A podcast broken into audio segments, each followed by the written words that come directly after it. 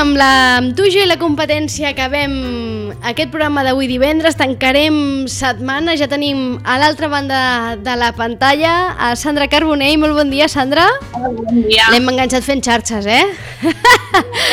T'hem enganxat fent xarxes. I avui amb un programa dedicat més que mai a tots els que teniu petit negoci, petita empresa, que teniu una marca. Per què? Perquè la Sandra avui el que ens proposa és respondre un preguntes freqüents, eh? respondre aquelles preguntes més freqüents, les que més li feu tots vosaltres eh, amb ella doncs, quan us la trobeu pel carrer, quan la contracteu o no, sobre doncs, dubtes que teniu sobre el vostre negoci, sobre com actuar, sobre la vostra marca, sobre aquesta relació entre vosaltres, el vostre negoci, la vostra empreseta i el món digital, que d'alguna manera mm, forma part i protagonitza bona part d'aquesta secció. Sandra, per on vols començar? pues, per on vulguis. Tenim algunes preguntes, oi? Sí, vinga, doncs comencem per aquestes preguntes. Arrenquem, sí, ja. Vinga, la primera pregunta, que ja de fet la vas proposar i la van proposar les xarxes, i la primera pregunta és com hauria de ser la comunicació del meu negoci o marca en aquests moments d'incertesa? pues, la, la, la primera premissa és propera. ¿vale?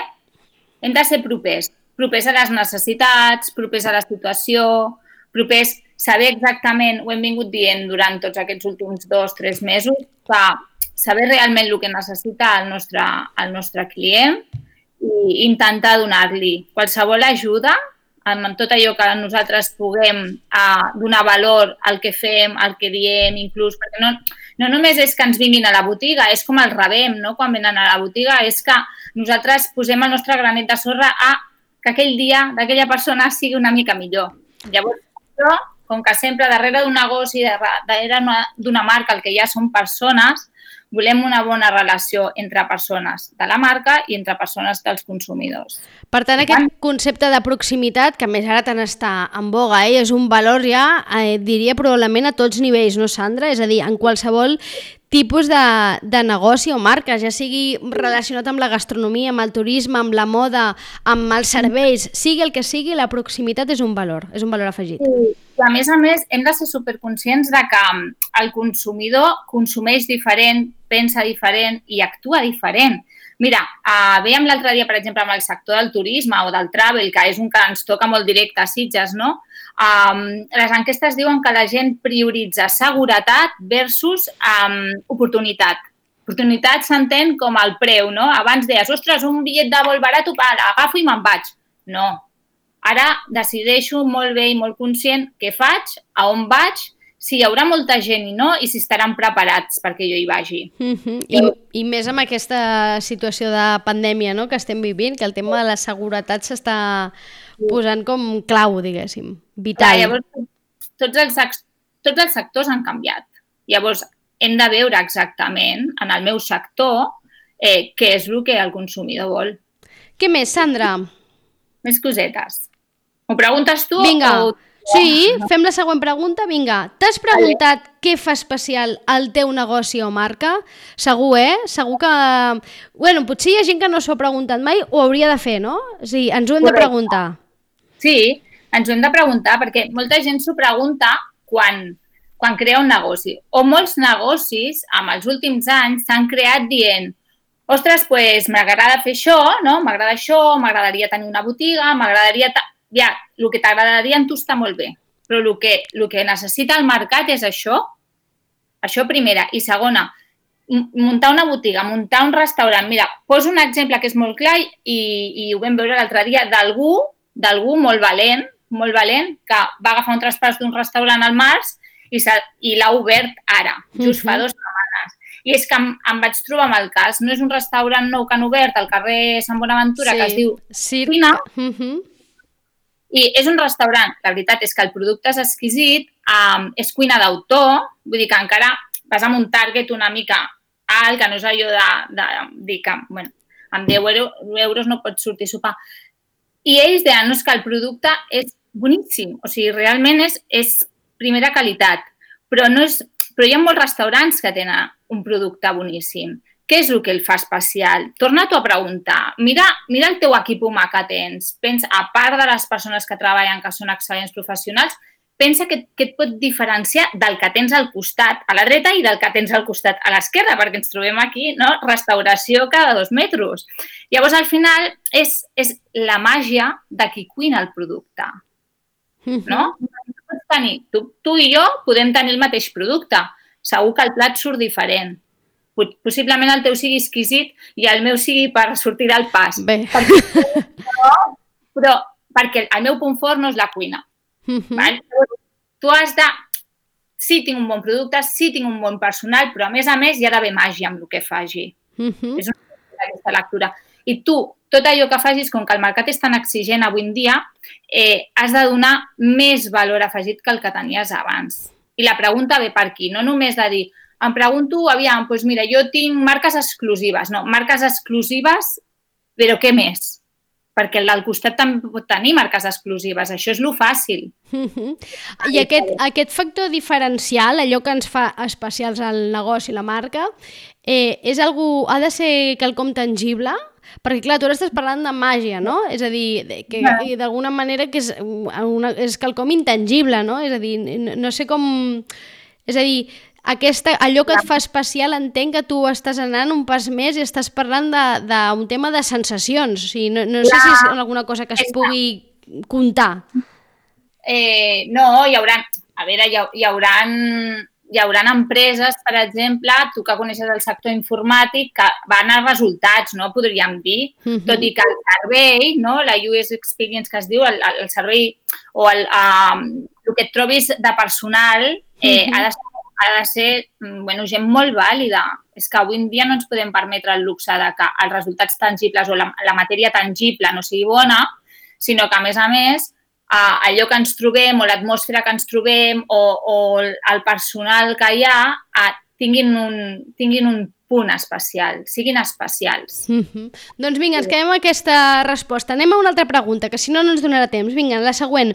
Quina previsió poden tenir els negocis o les marques per afrontar el que queda d'any? Sí. Que és un any estrany, eh? En aquest any atípic. És un any molt estrany. Llavors, ara tot el que cal tenir és prudència. Val? Revisar el model de negoci constantment cada mes, perquè cada setmana ens canvia el panorama Llavors, el que, és, el que sí, el model de negoci s'ha de, de revisar constantment. Hi ha, hi ha un concepte que és el cash burn, no? amb, amb el que es fa bueno, amb, amb empresa, que és, diguéssim, eh, el, o sigui, és el, ca, el calaix que tu tens o allò de diner que tu et pots anar gastant durant l'any, vale? perquè hi hagi un cash flow, doncs, sí. més o menys et surtin gastos i ingressos mm, equitatius. Sí. Doncs això aquest ha de ser molt pessimista, és a dir, pessimista en el sentit de que tu no pots esperar recuperar allò que inverteixis um, ràpidament, però per, per contra el que has d'intentar és gastar molt poc. Què vol dir? Que tot el que tinguem nosaltres d'estoc hem d'anar tenint accions creatives per treure'ns-ho de sobre i adquirir poc producte. Ja sé que hi ha moltes botigues que ara ja estan en el procés, si no l'han finalitzat, de agafar estoc de l'any que ve. També sé que hi ha botigues que s'estan replantejant fer un canvi de model de negoci. És a dir, jo ara tinc això, però per passar l'hivern, sabem que novembre és un, és un mes mm, no? dur, sí, sí, sí. Llavors, de cara a aquest mes de novembre, que a més a més aquest any serà una incògnita, però a la balança d'una incògnita cap a lo complicat, eh? Sí eh, ens hem de replantejar aquest model de negoci i fins i tot eh, dir, val la pena que jo obri aquests quatre mesos d'hivern? Puc arribar a un acord amb el llogater o puc replantejar i invertir... Mira, hi ha una botiga al carrer Sant Francesc, no us sí. coneixo, eh? Em sembla genial. A l'hivern venen mitjons i a l'estiu venen mm, hawaianes. Sí, xancletes, sí, sí. Exacte. Llavors, i aquest, aquesta persona ja s'ha replantejat el model de negoci que té i és conscient i és obvi que no vendré tot l'any xancleta. De fet, quan van, van començar a obrir un estiu, recordo, i jo crec que molta gent ho pensàvem, clar, només venien xancletes, i, i tots van pensar, oi, quan, quan, quan arribi el fred, eh, aquesta gent, què faran? Tancaran? Tots van sospitar que tancarien? Doncs no, es van posar a vendre mitjons. No. Sí, sí, I amb un, uns mitjons que també té un públic molt concret, sí. que és una partida i dona molta joc, llavors, bueno, eh, jo vull pensar que, que li funciona, no? Doncs una mica amb aquesta línia.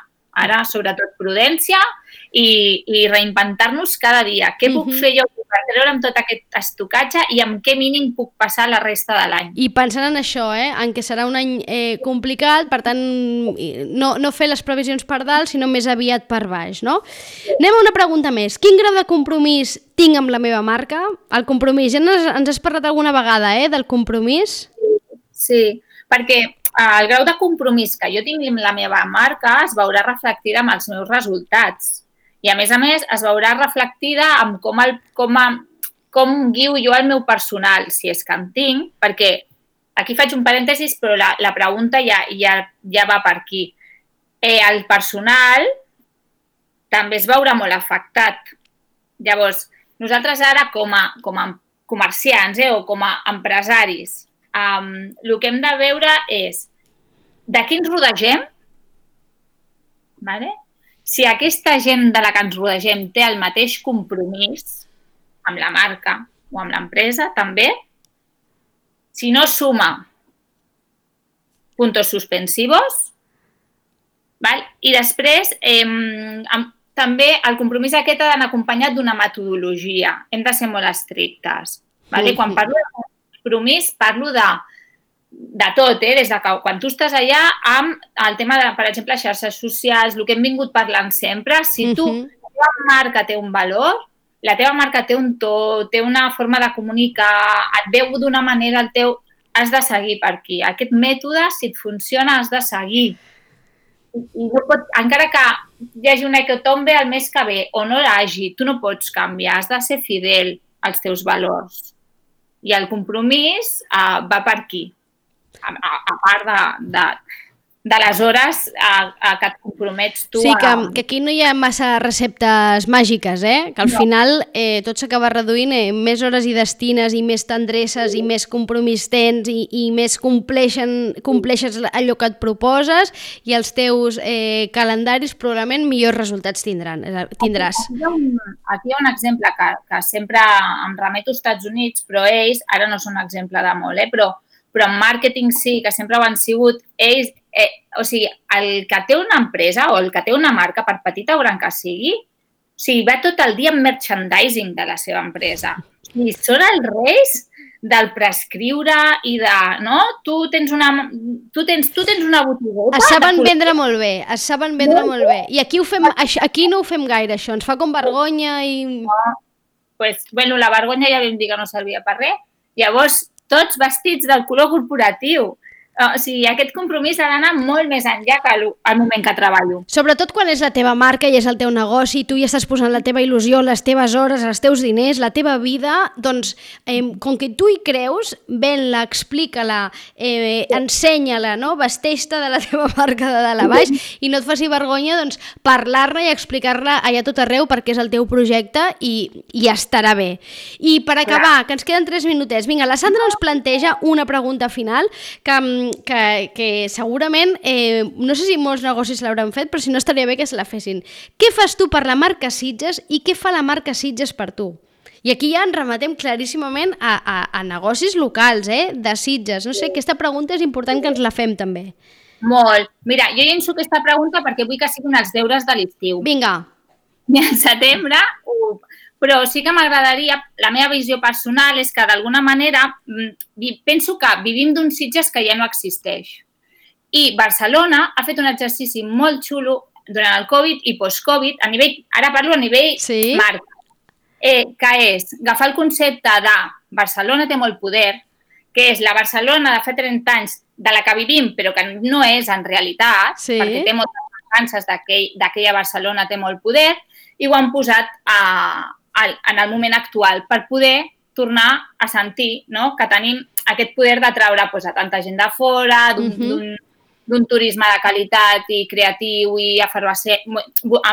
Barcelona és una ciutat de molta ebullició a nivell creativa i de disseny i una mica és retrobar això. Doncs a Sitges penso que necessitem una mica això i que ens posem tots d'acord. Doncs vinga, la, la Sandra llença aquí deures, eh? Per tots aquells que tingueu un marc, que tingueu un negoci, plantegeu-vos aquesta pregunta. Què feu per vosaltres per la marca Sitges, el vostre negoci, i què fa la marca Sitges per tu?